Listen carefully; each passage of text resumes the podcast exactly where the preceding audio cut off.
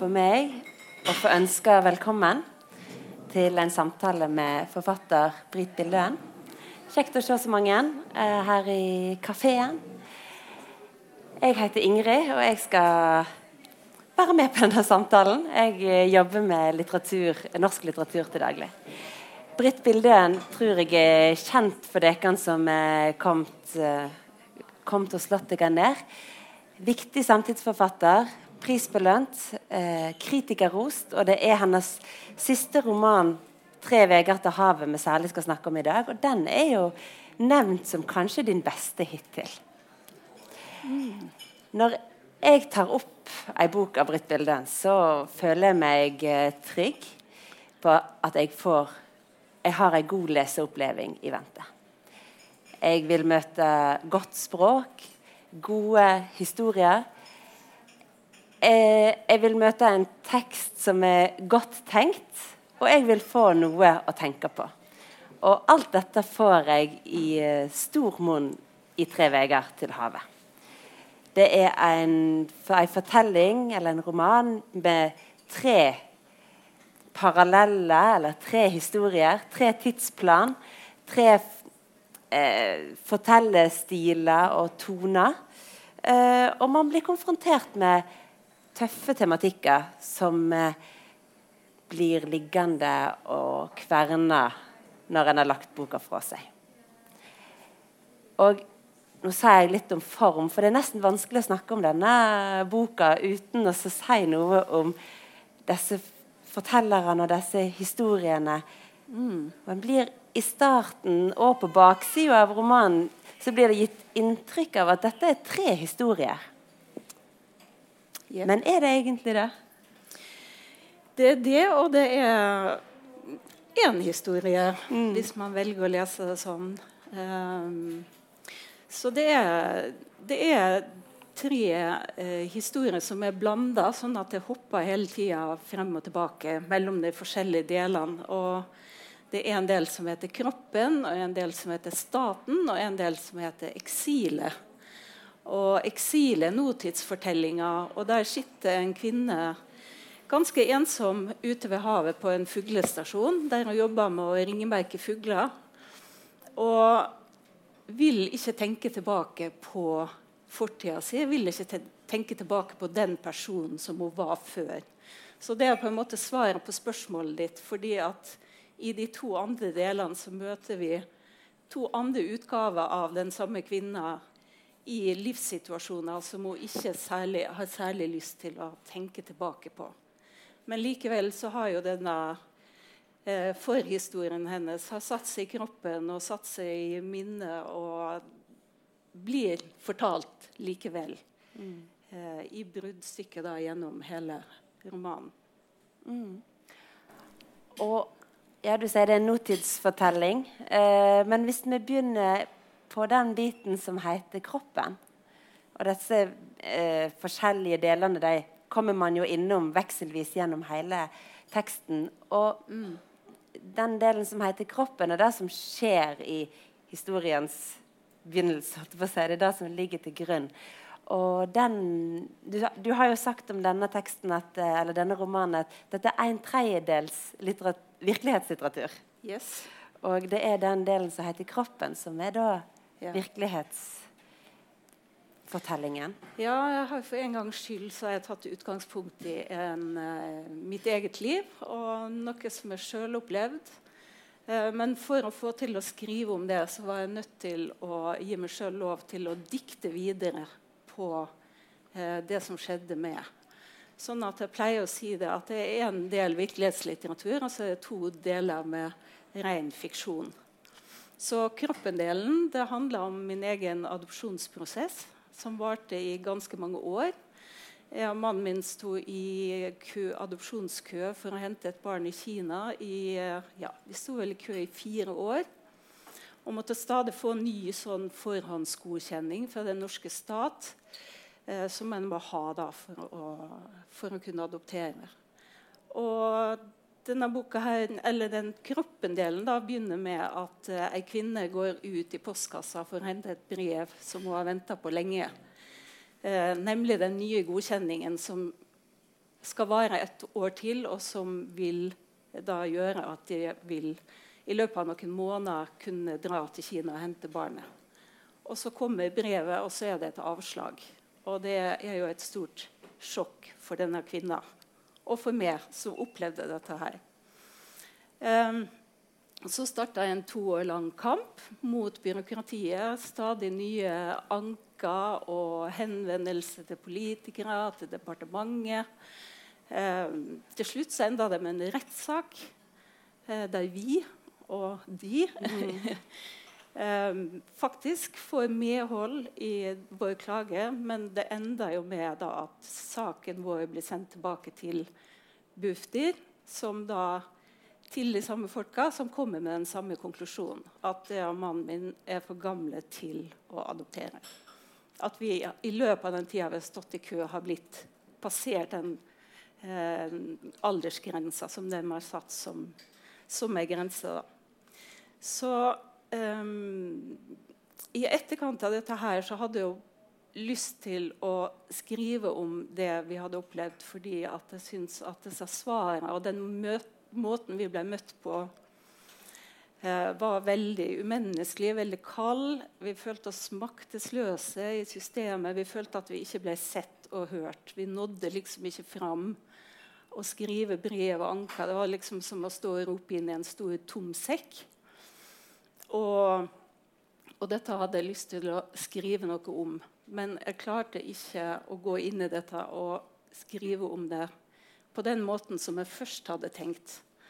Og så gikk det noen år, og så plutselig så skjønner jeg at dette kan bli en del av en roman som handler om noen som opplever det samme som vi opplevde, men som rett og slett blir gal av den behandlinga de får av systemet, eh, og begynner å forfølge saksbehandlingen sin. Så det er det som skjer i den staten-delen, som da er oppdikta. Det må jeg liksom understreke eh, gang på gang. Eh, det er at denne kvinna begynner, uten at mannen kjenner til det, så begynner hun å oppsøke og finne ut hvor han bor. Hun kaller han bare Staten, for det ligner på Satan og finne ut hvor han bor. Han begynner å henge rundt huset hans hver kveld, kikke inn gjennom vinduer. Og etter hvert så klarer han da å komme seg inn i huset til ham. Mm. Og så er det den siste delen, da, som er eksildelen, som er på en måte nåtidsfortellinga, der eh, man forstår at denne kvinna som har gjort dette her eh, For det er jo et overgrep, det hun også gjør, eh, nemlig å begynne å trenge seg inn hos en byråkrat. Eh, dette enda jo med knall og fall. Blir selvfølgelig eh, oppdaga, og det går ikke så veldig bra med henne. Og noen år etter så sitter hun altså på en fuglestasjon og har ikke så mye kontakt med annet enn de hun jobber sammen med, og hunden sin. Og, og det er tydelig at hun liksom har kutta all kontakt med det tidligere livet sitt. Mm. Så nå har jeg egentlig gjenfortalt hele, ja. hele historien. Vi, vi, kan komme litt tilbake til det med brev litt seinere. Ja. Uh, som er uh, For det er jo da de uh, gjengivelse òg av ekte brev. sant? Mm. Men la oss gå til det som er helt fiksjon, som du sier. Den galskapen som mm. hun på en måte beveger seg inn i i en sånn blanding av avmakt og desperasjon og trang til å gjøre noe. Mm. Uh, og det, som jeg sa til deg, at det verste jeg vet, det verste jeg vet å se på serier og film, det er sånne scener der noen er på noen sitt kontor eller inne i noen sin leilighet, og de som bor der eller eier, kan være i fare for å komme. Det syns jeg er så en sånn ekkel spenning. Mm. Og akkurat den spenningen framkaller du eh, eh, veldig godt. Eh, eller veldig ekkelt eh, i disse eh, delene som heter Staten. Mm. Og kanskje for at vi skal ha den eh, felles ekle følelsen, kan du lese en Det kan et, du kan, fordi at Første gang vi blir møter hun kvinna i en sånn Staten-bit, da er hun på vei nedover gata med en trillekoffert. Og det veldig, høres jo veldig uskyldig ut. Kvinne går nedover gata med trillekoffert, men i denne trillekofferten har hun en død katt. Mm. Og har retning byråkratens rekkehus og dumper denne katt, dette katteliket på dørtrappa. Det er liksom første, første litt sånn fram ja. Mm. Første framsteg hun gjør, i, bortsett fra å stå inne i hekken og kikke inn. Så. Hun har gjort litt research ja. før hun kommer med den katten. Men så tar hun det bare videre. Ja. ja. Det slo henne hvor enkelt det var å stjele nøkler, låse seg inn hos noen. Med alle de sporene hun hadde lagt att, var det da merkelig at de ikke hadde skifta lås men nøkkelen glei rundt, huset slepte henne inn. Hva tenkte de som bodde der, om det som hendte rundt dem? De kunne da ikke gi katten sin skylda for alt. Hun dro av seg støvlettene, hengte av seg kåpa på knaggen ute i gangen. Så tok hun en rask kikk inn på soverommet og badet før hun gikk opp trappa til stova. Hun visste hva hun skulle gjøre. Hun gikk rett til kjøkkenskuffene, og i ei av dem fant hun ei saks. En ganske stor saks med oransje håndtak av plast. Den ville gjøre nytte. Kvinna så seg rundt, saks i hand, klippe, klippe. Kanskje rysjene på kjøkkengardina. Rysjene enda i noen små dusker. Kvinna klippet av én og én dusk. Det ble en liten haug på kjøkkenbenken med små, hvitgrå dusker. Hun kom til å tenke på at staten og kona hans kunne tro det var dattera som hadde gjort det. Unger kan jo finne på de mest utrolige ting med sakser. Hun stappa duskene i bukselomma, så fant hun et glass som hun fylte med vann fra springen. Hun drakk det i store slunker. Gjennom vinduet så hun ut på hekken, der hun hadde stått og gjemt seg for noen uker siden. Det var godt å være inne i varmen.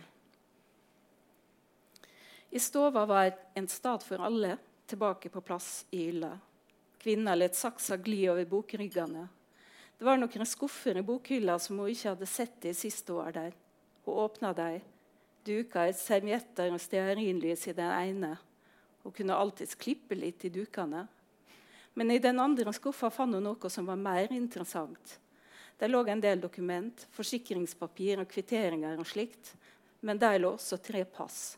Passa til staten og statens kone og barn.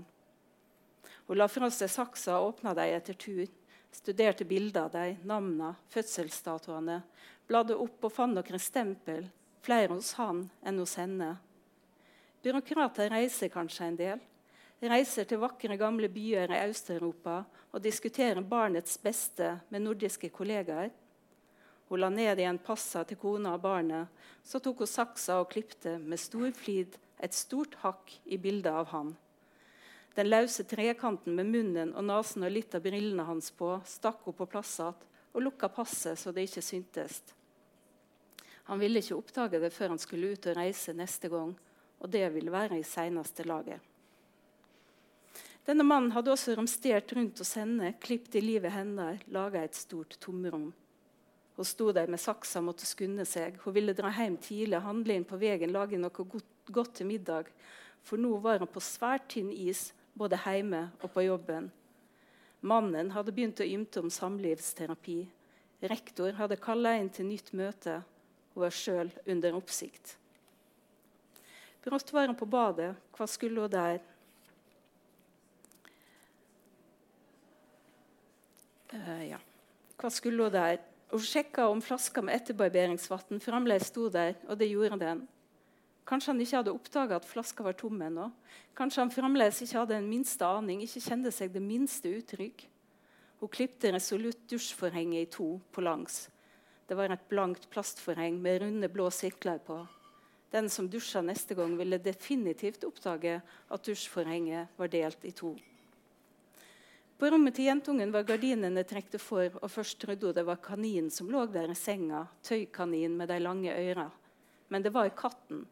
Han løfta litt på hodet og så på henne med smale øyne. Så la han hodet ned igjen og strekte på den lange, gråspraglete kroppen. Kvinna satte seg på sengekanten.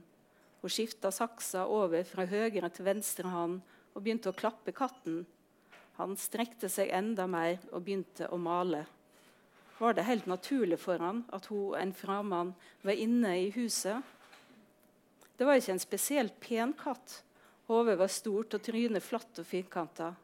Hun strauk gjennom pelsen og kjente at den var floket og full av klumper. Forsiktig flytta hun saksa over i høyre hånd og begynte å klippe. Det var dårlig lys, så hun måtte dra gardina litt til sides. Katten løfta på hodet og så skeptisk på henne. Fine pusen, så så, vi skal bare ordne litt med pelsen din. Hun klipte av de største flokene mens hun snakka roende til katten. Det hun klipte av, lot hun ligge igjen i senga. Jeg skulle vel ha stussa øret og halen din litt, sa hun, men det får være til neste gang. Takk. Neste gang. Dette var gøy å skrive. Dette var gøy å skrive. og eh, ganske langt fra den måten eh, du reagerte. Eh, ja, jeg har ikke vært, din, uh, vært, ute sånn på den måten. Men hvordan jobber du for å finne, finne liksom disse Hvor langt hun skulle gå? Og hva var det villeste du tenkte hun kunne funnet på? Nei, Jeg diskuterte det jo med en del folk. Jeg spurte hva vil dere har gjort hvis dere var inne der og liksom full av hevn og fortvilelse. Og, og, noen mente jo at hun burde brenne ned hele rekkehuset, mens andre mente at det var, det var litt mer spennende hvis hun kanskje liksom ja, bare gjorde sånne små, nesten umerkelige ting. Mm. Og det var jo sånn det ble til slutt. da, fordi hun er jo ikke liksom den voldsomme typen hun er. Um, og vel egentlig ikke hva hun vil gjøre der sjøl. Hun vil på en måte trenge inn i livet hans, sånn som han har trengt inn i livet hennes. Men, uh, men hun klarer liksom ikke å finne helt ut hva hun, hva hun, uh, hva hun skal gjøre når hun først kommer dit. Så det ender jo med at hun slår seg litt til ro der. og kommer hjem der og henger av seg kåpa og går og lager seg en kopp te og sitter litt i sofaen og smådupper litt og sånn mm. utpå ettermiddagen. og og Det syns jeg er det mest ubehagelige. Ja, for det syns liksom du var litt skummelt. Ja, det tente seg et stearinlys og, og, var helt liksom på plass der. Ja. Uh, før hun uh, rusler ut igjen. Ja. ja. Men det er jo uansett ganske uakseptabelt det å holde på med. Mm. Så når det blir oppdaga, så får det jo ganske store konsekvenser mm. for henne. Mm. Men uh, ja, du spurte hvordan jeg fant på ting, ja. og det var jo litt sånn uh, Det var ei som sa saks. Mm. Ja. saks, sa hun bare. Og så tenkte jeg ja, saks, det var et godt Mm. Så da ble det kapitlet her til da, å gå rundt og klippe litt sånn. Mm. Jeg ser for meg sånn der oransje fiskersaks. Ja. uh, ja, og den, det er utrolig hvor mye subtil skade man kan gjøre med ei saks. Ja, absolutt. Ja. Um, ja, denne delen tar jo på en måte slutt, mm. som du nevnte innledningsvis. Det kommer til et punkt der dette ikke går lenger. Mm. Uh, og da en stund etter, så i, i hennes historie, så er hun på denne fuglestasjonen. Mm. Eh, I eksil. I. Den, den, heter 'Eksilet', de delene der. Mm. Og det er nåtidsplanet. Og det, da er det en jeg-forteller vi møter. Ja. Uh, men når, er, når, det skrives om denne uh, stalkeren, som hun òg innser sjøl at hun er, mm. da er det med en mye større distanse. Da blir hun bare omtalt som kvinne. Ja. Uh, mens når man får det hun som går og venter på brev, og får alle disse brevene fra direktoratet, hun blir omtalt som hun. Ja. Med en litt mindre distanse. Mm. Så det, var jo viktig, det er jo viktig for denne personen å distansere seg. Og distansere seg jo aller mest fra denne kvinna som går rundt med en død katt i trillekofferten og, og plager en byråkrat på den måten der. Uh, og så er hun kanskje litt tettere på denne kvinna som går ut i postkassa og får dette brevet, og, og begynner å kjempe for å nå igjennom til, eh, til staten. Mm. Uh, så det, det, det, er veldig For å si det sånn uh, Det er jo en god lesning når du ser den lille forskjellen at i kroppendelen så er det bare det er det snakk om hun Og i statendelen så det, statendelen så er det kvinner. Da er det liksom enda litt mer avstand. da. Ja, men jeg tror man, jeg, For jeg kan forstå hun, men jeg kan ikke forstå kvinner. Og så vil jeg gjerne like å, å forstå hun som Mm. er den jeg-fortelleren. Sånn at det hjelper jo meg som leser at du gir den distansen der. Ja. Eh, Det hjalp jo meg som forfatter også å, å ha den distansen til, Mm. Til disse personene. Og ikke minst til den personen som på en måte var med. At jeg kunne kalle henne hun og Mm. liksom ha den avstanden eh, til henne. At jeg skrev om det som om det var en, en som det var fiksjon. da. Mm. Men hvis vi flytter oss til den fuglestasjonen Ja. eh, på, med, med jeg-fortelleren på notids, notidsplanet eh, Og for tre år siden så gjorde du et radiointervju Mm. eh, mitt, for, på mitt favorittradioprogram Salongen. Eh, og da, eh, da sa det ikke så mye Da drev nok du og researcha og skrev denne boka. Mm. Eh, og det var ikke snakk om hva den handla om, men det snakka om Patti Smith. Og det har ingen plass i denne boka, men eh, det snakker òg om fugler. ja. Og du kunne fortelle at du hadde vært på en fuglestasjon og eh, gjorde deg noen tanker om det.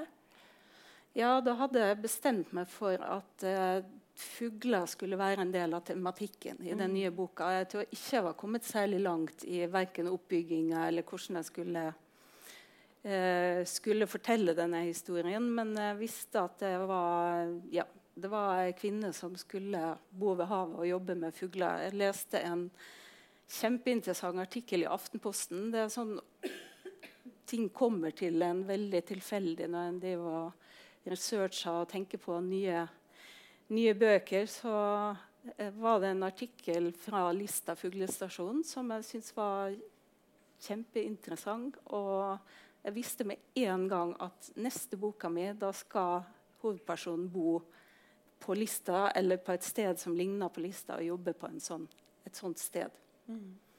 Så der begynte det. Det begynte liksom Jeg hadde tre, og det også er jo sånn Jeg hadde tre ideer eller tre bilder i hodet. Det ene var at jeg hadde lyst til å skrive vår historie fordi at jeg syns at den på sett og vis hadde litt offentlighetens interesse. Disse brevene som vi fikk, som er skrevet i et så utrolig eh, kaldt eh, språk. Og men også eh, hadde et bilde av ei dame som går nedover en, en en bygate med en trillekoffert med en død katt i. Og så hadde jeg et bilde av dette her ute på fuglestasjonen med lys og lufta fra havet og fuglene. og Det er litt sånn lyse, mer lys og lett stemning, da. Eh, og det gikk jo Jeg tenkte at jeg måtte velge en av historien, eller velge et av disse bildene å gå videre på. Men så plutselig så skjønte jeg at alt hang sammen på et eller annet vis. Det kunne bli en historie om en kvinne i tre forskjellige stadier av livet. da. Og det du òg sa i dette radioprogrammet, det var at det du fant så fascinerende med fugler, var at de var så sårbare. Mm. Eh, og at vi vet så lite om dem, selv om de er så nær oss. Ja, ja. Eh, og dette gjelder jo òg denne kvinnen. Mm. Uh, I alle tre delene så kommer det veldig godt fram hvor sårbar en er som menneske. Mm. Hun er sårbar på veldig ulike måter da, i disse fortellingene. Mm. Men uh, Ja, en er jo sårbar når en plutselig trenger på en måte statens godkjenning eller støtte til et eller annet fra myndighetene eller fra staten, så, så er en plutselig i en veldig litt sånn hjelpeløs situasjon, og nesten litt sånn rettsløs også, hvis en får nei, eller hvis en ikke blir hørt. da. Eh, men jeg hadde jo ikke noen sånn tanke om at det skulle ha noe med fuglene å gjøre. og, og det at fuglene også er liksom sårbare for klimaendringer og vind og vær og for vår eh, for menneskelig aktivitet. Da. Men eh, det kan godt leses på den måten. Det ser jeg jo at, eh, at det er en sammenheng der. Men det er sånne sammenhenger som ofte dukker opp underveis i skrivinga. Mer enn at det er noe jeg tenker i utgangspunktet at ja, fugler sånn Og det er jo mange som har lest det sånn OK, eh, barn som skal adopteres, de skal jo også reise langt, og fuglene trekker og sånn, og ser noen sånne sammenhenger der som jeg ikke har tenkt på i det hele tatt.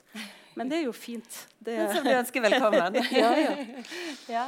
Men det er ikke alt som er planlagt, for å si det sånn. Nei. Nei. Men fuglebildet er jo veldig rikt, da. Ja. Uh, det, det... Og jeg hadde jo lyst til å skrive om fugler, fordi at uh, jeg prøver jo i alle mine bøker nå å skrive et eller annet som har med miljø og klima å gjøre. Mm. Uh, fordi at jeg syns det er utrolig viktig at vi tenker på det, og at, vi, at det også finnes i skjønnlitteraturen. Mm som den overhengende faren som det faktisk er. Da. Men det er jo ikke eh, det er ikke en bok der du står på barrikadene for Nei, eh, miljøkampen. Nei. Så det er en ganske sånn subtil Det er veldig subtilt i denne boka her. Ja. Det er det. Men likevel viktig. Ja. Mm. Mm skulle vi lest litt fra den eksilet Eller ikke med, kan du være så snill å lese noe Kan du den, eh, huske hva slags side det var? For nå har liksom ja, bokmerket jeg... mitt falt ut. Jeg tenkte der på side 63. 63. 62, 63. Mm. Der var det. Da beveger vi oss jo litt vekk fra fuglene og tilbake til denne ja. kvinnekroppen? Hun er på fuglestasjonen da, sammen med ja. kollegaen sin Emma. Jeg måtte strekke ut litt, var blitt stiv av å sitte på den harde benken. Emma gikk nedover skråninga mot det nettet som er spent opp i det vesle furuholtet. Håret hennes er som flammer mot det grønne. Hun lar meg ofte ta de letteste jobbene. Det hadde ikke vært nødvendig. Kroppen min er sterk, selv om han stivner fort. Jeg har aldri hatt noen røyskatt kropp slik som hun, men jeg setter pris på kroppen min. Han er ikke perfekt på noe vis, men han er frisk, og han er min. Men på ett avgjørende punkt har kroppen svikta meg. Jeg har aldri forstått det, hvorfor denne kroppen, som har tjent meg i mer enn et halvt hundre år, og fungert så godt på alle vis, ikke skulle klare å bære fram et barn. Jeg har googla og grubla og konsultert flere leger, men svarene er vage, og teoriene spriker. Så mange av kroppens løgndommer er kartlagde, mens noe av det som dreier seg om graviditet og svangerskap, fremdeles er hylla inn i et mystisk slør. Det er ei spinkel trøst at mitt livs mysterium er en del av livets store mysterium. Hoftene har plaga meg i noen år, men det er lenge siden jeg har kjent meg så stiv som i dag dersom om beina er skrudde fast. Emma har lært meg noen øvinger som hjelper litt, men jeg begynner ofte med dem for seint når musklene alt har låst seg. Kjenslene setter seg i hoftene, sier Emma. Typisk yogalæreprat. Men det er ikke så ulogisk heller at sorg og raseri lagrer seg en sted og blir forsteina. Jeg hadde ingen plager før jeg havna i klammeri med myndighetene. To års kamp mot vindmøller måtte vel sette spor. Emma sier jeg må bli med på yoga, men jeg orker ikke. Jeg ser dem iblant når jeg går forbi skolen på kveldstid.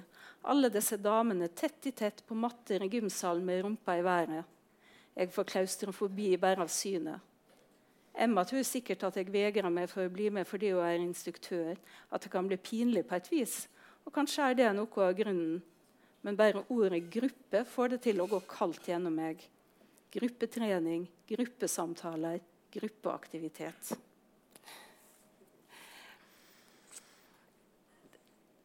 Krampen må sette seg i kroppen, mm. eller noe sånn heter det inni der. Og dette er jo ei kvinne som har gjennomgått flere spontanaborter. Og, og, så altså, kroppen, hennes egen kropp har, har uh, avvist hennes ønske om mm. å kunne bære fram barn. Og så har staten ja. sagt at uh, kroppen din er for gammel. Mm. Sånn at hun har blitt kroppslig avvist to ganger. Og, og, så blir det på en måte en sannhet, da. Mm. Er det sånn? Det setter seg i henne fordi hun, det blir en sånn selvoppfyllende. Ja, men uh, jeg tenker at alle som har uh, opplevd en sånn type motstand som det der, kanskje kjennes igjen i det at det plutselig begynner å gjøre litt vondt. At man mm. begynner å få noen vondter rundt i kroppen. og stivner litt her og der. Og jeg sa jo innledningsvis at det er liksom tette skott mellom disse tre fortellingene. Men akkurat det der med at det satte seg i kroppen, at jeg plutselig måtte begynne å gå til kiropraktor uh, som ikke hadde hatt en eneste plage før, det, mm. det har jeg jo også opplevd sjøl. Men uh, denne kvinna her er jo hun blir jo på en måte kasta ut i en tidlig alderdom. da.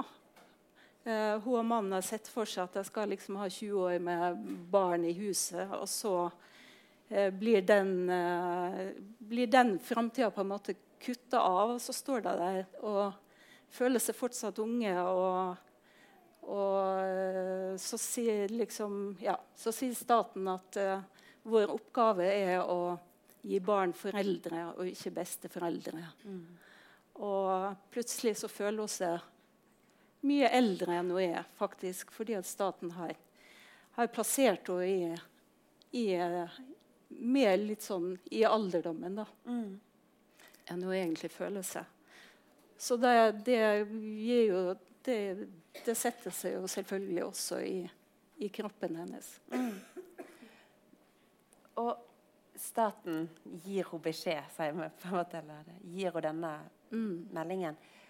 Og, og, du har vært litt inne på det, at det skjer i et sånn nesten klinisk språk. Mm. Eh, som er i ganske stor kontrast til da den sterke emosjonelle krisen som hun mm. og mannen står i. Da, og den sorga det er. Mm. Så blir det konfrontert med, med et språk som er en, Eller en avvisning mm. som er i et språk som er nesten eh, det er veldig kaldt og klinisk, og samtidig så er det veldig sånn ordrikt. Og, eh, og, og, man prøver å pakke inn denne egentlige beskjeden eh, på en eller annen måte som, ikke kanskje, som den kanskje ikke lykkes så veldig godt med. da. Mm. Um, ja, så det som denne kvinna opplevde dette som, og sier det i boka også, det var liksom etter flere spontanaborter, så får hun liksom da også en statlig abort. Mm. Og det er jo ganske harde ord, men mm. uh, det er jo sånn hun opplevde det. Ja. Mm. Og det er jo et, et, et, uttrykk som liksom eh, viser litt sånn den der eh, krasjen mellom mm. det intime og det eh, Ja. Det er liksom det mest sårbare, og så kommer dette her teknokratspråket inn og liksom Uh, ja. Mm. Det, det, det, er nesten umulig mm. å forholde seg til det. Mm. mm. Kan, kan, vi få høre et sånt brev òg? Ja, gjerne. Det var jo Litt av poenget var jo å få presentert noen av disse brevene, for det syns jeg Det hadde jeg egentlig lyst til å vise frem. Uh, og Noe av det som var utfordringen min med å skrive dette, her, og særlig den kroppen-delen som skal ta utgangspunkt i mine egne opplevelser, det var jo det at jeg fortsatte å argumentere for vår sak uh, i, i, boka, i romanen. Og det måtte jeg ha litt sånn konsulenthjelp til da, til å få, få røska det ut. Mm. Det kunne blitt liksom 100 sider mer med brev fra staten og argumentasjon og sånn. Men, uh, men, jeg fikk hjelp til å kutte ned på det. Men her er det siste brevet. Det var i påska det siste brevet fra Bufdir kom. Dette brevet var ikke underskrevet av staten, for de hadde bedt om å få en ny sakshandsamer. Den nye sakshandsameren formulerte seg ikke mer omsyns, omsynsfullt enn den førre hadde gjort. Vi finner etter en helhetlig, konkret vurdering at det ikke kan antas som overveiende sannsynlig at det vil være til gagn for et barn å bli adoptert av dere. Vurderinga var ikke lenger bare helhetlig, men også konkret. Hun burde ikke ha lest mer. Hun kom til å angre på det. Ordene ville svi seg inn i minnet hennes. Men det var umulig å ikke lese hele. Byråkratene hadde tydeligvis strevd lenge med å formulere noe om personlige egenskaper uten å trakke på kjenslene deres. Det må kunne legges til grunn at de personlige egenskaper som i seg selv taler for innvilgelse av søknaden, vil vedvare over tid og komme barnet til gode under hele dets oppvekst. Etter vår vurdering må det legges vekt på at dere i dag vurderes å ha gode personlige forutsetninger for å kunne adoptere, samtidig som det må legges vekt på at personlig egnethet ikke er en gitt faktor som forblir upåvirket av alder, helse og overskudd. Etter vår vurdering kan det i et fremtidsperspektiv på minst 15-20 år ikke legges avgjørende vekt på at dere i dag vurderes som personlig egnet for å adoptere.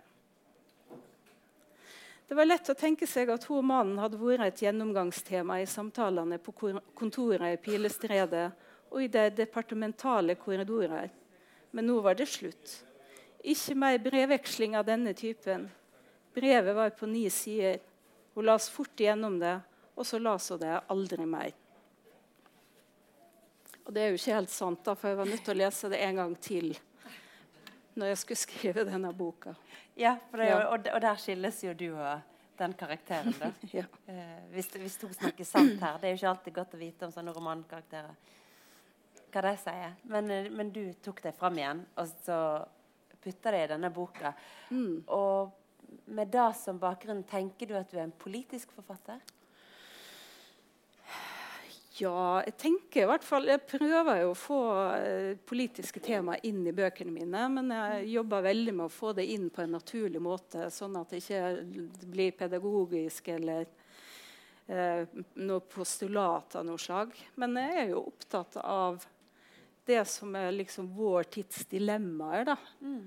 Og jeg tenker jo at dette her med barnløshet er jo en av de tingene som det kanskje er skrevet minst om i litteraturen, og også hvordan den blir møtt eh, av byråkratiet. Og grunnen til at jeg hadde lyst til å gjøre noe annet ut av denne boka enn å, å bare fortelle vår historie, var jo at jeg hadde lyst til å løfte den opp til et litt mer sånn generelt plan som kunne være interessant for flere. fordi det er jo veldig mange som kommer i situasjoner der du plutselig blir avhengig av eh, av, av, staten, av myndighetene, av eh, samfunnet rundt det. Og, og, for meg og mannen min, som var begge to veldig sånn eh, Jeg er forfatter, han er journalist. Vi har liksom ord i vår makt. Vi kunne kjempe med ord og nebb og klør. Uh, men vi tenkte jo veldig mye på hvordan folk som kanskje ikke har språket, som kanskje ikke har det samme overskuddet som vi hadde da. Hvordan det er for dem å komme i sånne situasjoner. Jeg tenker folk som trenger viktige medisiner, kanskje er syke, eller folk som skal søke om opphold. Andre sånne ting. da. Så, så det tenkte jeg mye på underveis når jeg skrev denne boka her. Mm. Ja, for jeg, jeg nevnte i stad sårbarhet, men et annet sånn samlende begrep, en sånn følelse som man stadig kommer tilbake til når man leser de forskjellige delene, er jo den avmaktsfølelsen mm. i møte med Det var jo først og fremst den da jeg hadde mm. lyst til å, å skildre mm. fra, ja, fra kroppen mm. av. Mm. du sa at eh, barnløshet blir ikke er ikke et så uh, mye beskrevet tema i litteraturen. Og hva tenker du da denne, denne romanen kom samme høsten som Endre Ruseth mente det var en tsunami av brystmelk innover høst, eh, høstlitteraturen. Og denne, te, denne, tematikken er jo da et, si, et annet hjørne av eh, moderskapstematikken. Ja, det er jo et annet hjørne, men det er jo samtidig på en måte i det samme mm. Feltet. da. Og så har jeg jo ofte tenkt på at det her med å liksom enten man får barn eller ikke får barn, eller man vil eller ikke vil det, så er det jo dette er jo det største dramaet i menneskelivet mm. som oftest. Og det er ikke alltid man er på rett plass til rett tid, eller at man er enig om hva som er det beste. Og, og får man barn, så er det sannelig nok drama der også. Så, så jeg har tenkt på det at det, ja, det er veldig mange sider ved Eh, den problematikken. Men det er jo kanskje den mest dramatiske tida i livet. er jo når man går rundt og lurer på om man skal ha barn eller ikke, og faktisk prøver å få det. Mm. Og om det valget om man skal eller ikke Nå er dette et, en kvinne i et forhold der det veldig ønsker seg barn. Mm. Men den, den, beskrivelsen av at det er et valg og et spørsmål Ønsker vi mm. dette? Det er Ja. kanskje enda mindre Mm. tematisert. Ja, det er jo det. Jeg tenkte jo på det. Jeg satt en gang eh, sammen med noen venninner, og jeg hadde nettopp tatt abort. Eh, og jeg eh, holdt på med prøverør, og jeg var ikke kommet så langt ennå at jeg hadde liksom fått med noen som jeg ønska som far til mine barn. Og jeg bare sett og tenkte herregud, her er vi, vi er like gamle, og vi er på så totalt forskjellige plasser i livet. Eller vi er på samme plass, men likevel så har vi så forskjellige dramatiske historier alle sammen. Så da ble det tematikken noen av bøkene mine. Jeg har jo tidligere vært inne på dette her i 'Landfastlykke', som kom i 2001, tror jeg. Ja. Du ser på meg. Jeg, jeg, jeg, Der omkring. Der omkring. Og det handler jo da om ei kvinne som stikker av fra et prøverørsforsøk. Hun ombestemmer seg, og hun tør ikke likevel å gå gjennom det. Og så stikker hun, stikker hun av fra mannen og forsøket. Så det er jo noe jeg har vært opptatt av lenge. Og Sju dager i august handler jo om et par som mister et barn Mm. eh, under terroraksjonen på Utøya. Så det kommer liksom kommer tilbake til meg. Og det, jeg tror det har rett og slett sammenheng med den, den samtalen jeg hadde med disse venninnene rundt bordet den gangen. Og der jeg tenkte For et livsdrama dette er egentlig. Mm. Og det jeg tenkte på når jeg leste et sånt intervju med deg, der overskrifta var over to sider uh, i store bokstaver 'Vi kunne hatt et barn på åtte år'. Det har vi ikke. Og da går jo tankene selvfølgelig til denne boka, men den, det er jo òg veldig mye av det 'Sju dager i august' handler om. Den, hvordan det å miste et barn er en sånn stadig sorg som kommer tilbake. Nå Som man aldri blir hun-. Skulle Ja. hun vært så gammel. Nå skulle hun vært Mm. der. Skulle, eh, så, som er litt eh, parallell til den Ja, er erfaringen som beskrives her. Da. Mm. Så det er noen, eh, noen tråder Det er noen tråder der. Og jeg spurte deg om du var en politisk forfatter. Og eh, mitt første møte med deg var jo nettopp som en feministisk forfatter med, med litterær salong. Ja. Eh, I essay- essayform, da. Som er et tydelig feministisk prosjekt. Ja, det er det jo. Eh, Litterær salong er en bok der jeg presenterer ti kvinnelige forfattere som jeg syns blir lite lest, eller lest på kanskje feil måte, eller ikke godt nok. Eh, så det er et tydelig feministisk prosjekt, og det kom som et resultat av at jeg eh, syns at eh, mannlige forfattere fikk mye større plass i eh, offentligheten enn kvinnelige. Eh, og den boka kom jo for Det er jo en stund siden det òg nå. Det er vel over ti år siden. Ja. Og jeg må Jeg tror bare den er tiårsjubileum i år. Oi, Unnskyld, det var så veldig skranglete her. Um, Du bråker så mye! ja. den boka kom for ca. ti år siden, og der må jeg bare si at der har det skjedd veldig mye i løpet av det tiåret. Jeg syns jeg ser en enorm bedring. Eh, Masse unge kvinnelige forfattere som fosser frem og får mye oppmerksomhet. Og ja, en helt annen holdning til kvinnelige forfattere i offentligheten. Så da kan vi håpe at om ti år så sier vi ja, og nå er jo den her eh, samtalen om og tematiseringen av eh, det livsdramaet kvinner står i når de skal eller ikke skal, og velger å få barn, er mye mer åpen. Ja, At det er kanskje, det kan tenkes. kanskje kan tenkes. Dette er en eh, roman som tar eh, opp dystre tema. Det må man kunne si. Eh, men som alle skal gå hjem og lese. Eh, men vi må si noe om hvor den slutter.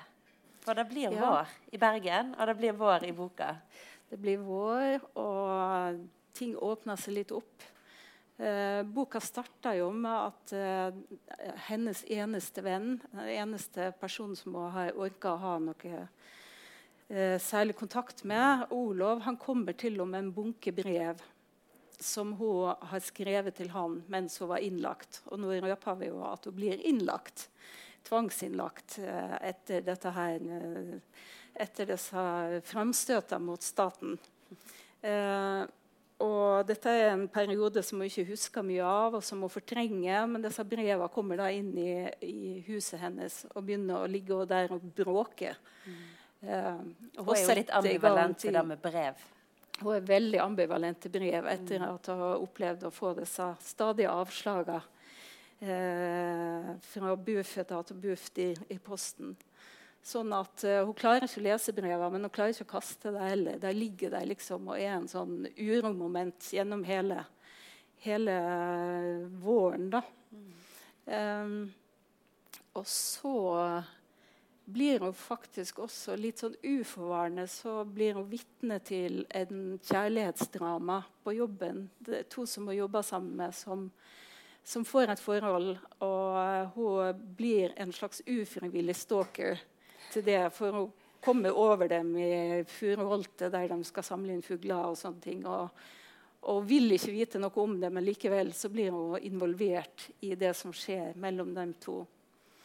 Og sakte, men sikkert så, så åpna det seg et eller annet eh, i henne. Og på slutten så sitter hun faktisk og venter på å få besøk av en bekjent eh, som hadde den samme historien som hun, som søkte om å få adoptere, som ikke fikk tillatelse til å adoptere, men som likevel ble mor et par år etterpå. Og hun skriver da og spør om å få lov til å komme på besøk med sønnen sin. Og til sin store overraskelse så sier da jeg-personen her sier ja til det. Så hun er på en måte, Når boka har slutta, så er hun litt på vei tilbake til, til mennesker, mm. rett og slett. Etter å ha isolert seg i veldig mange år. Mm. Ja. ja. Så det er håp, og det er lyspunkter her. Og det er ikke bare trist, altså. Nei, det er det, det ikke. Det er virkelig ikke det. Og, eh, og, disse personene, både særlig da jeg, eh, eh, fortelleren, og hennes venn Olov og kollegaen hennes, er jo skildra med en sånn varme. Mm. Så selv om hun er veldig famlende eh, i sin om forsøksvis eh, ja, kontakt, mm. så er det en sånn En får en omsut for både hun og alle på jeg håper en får litt uh, jeg håper en får litt sympati for henne. Mm. Uh, jeg skrev jo ikke denne boka her for at folk skulle synes synd i meg. Og derfor så gjorde jeg jo også denne personen uh, nok, hun, er, er ikke, hun, er, ikke, spesielt sympatisk når hun tipper over og begynner å, å herje med, med, han som har vært saksbehandleren hennes. Så, men jeg håper jo at, at man likevel får en viss sympati for henne. Mm. Absolutt. Ja. Skal vi si bare om det er noen som har noen spørsmål avslutningsvis? Var det noen som sa noe? Nei? Nei. Nei? Skulle du spørre om noe? Nei. Nei. OK. Nei. Men da har folk fått svar på alt jeg lurte på, sikkert. Alle vil bare springe førstemann til hylla og få tak i hvis den ikke er utlånt. Eller så kan jeg gi et eh, tips at den er nettopp kommet i pocket. Ja. Så eh, da er det bare å springe bort på Nordli og få seg en kopi. Tusen takk, takk eh, Britt, for mm. samtalen. Og så må vi si du er jo eh, bergensaktuell i ja. vår. Du kommer tilbake kommer tilbake i slutten av mai som festspilldikter. Og det gleder jeg meg veldig til. Og jeg driver og lager programmet nå. Eh, vi fikk vel den siste brikken på plass i dag, så det blir snart offentliggjort. Og det blir kjempebra program. Ja. Takk skal du ha.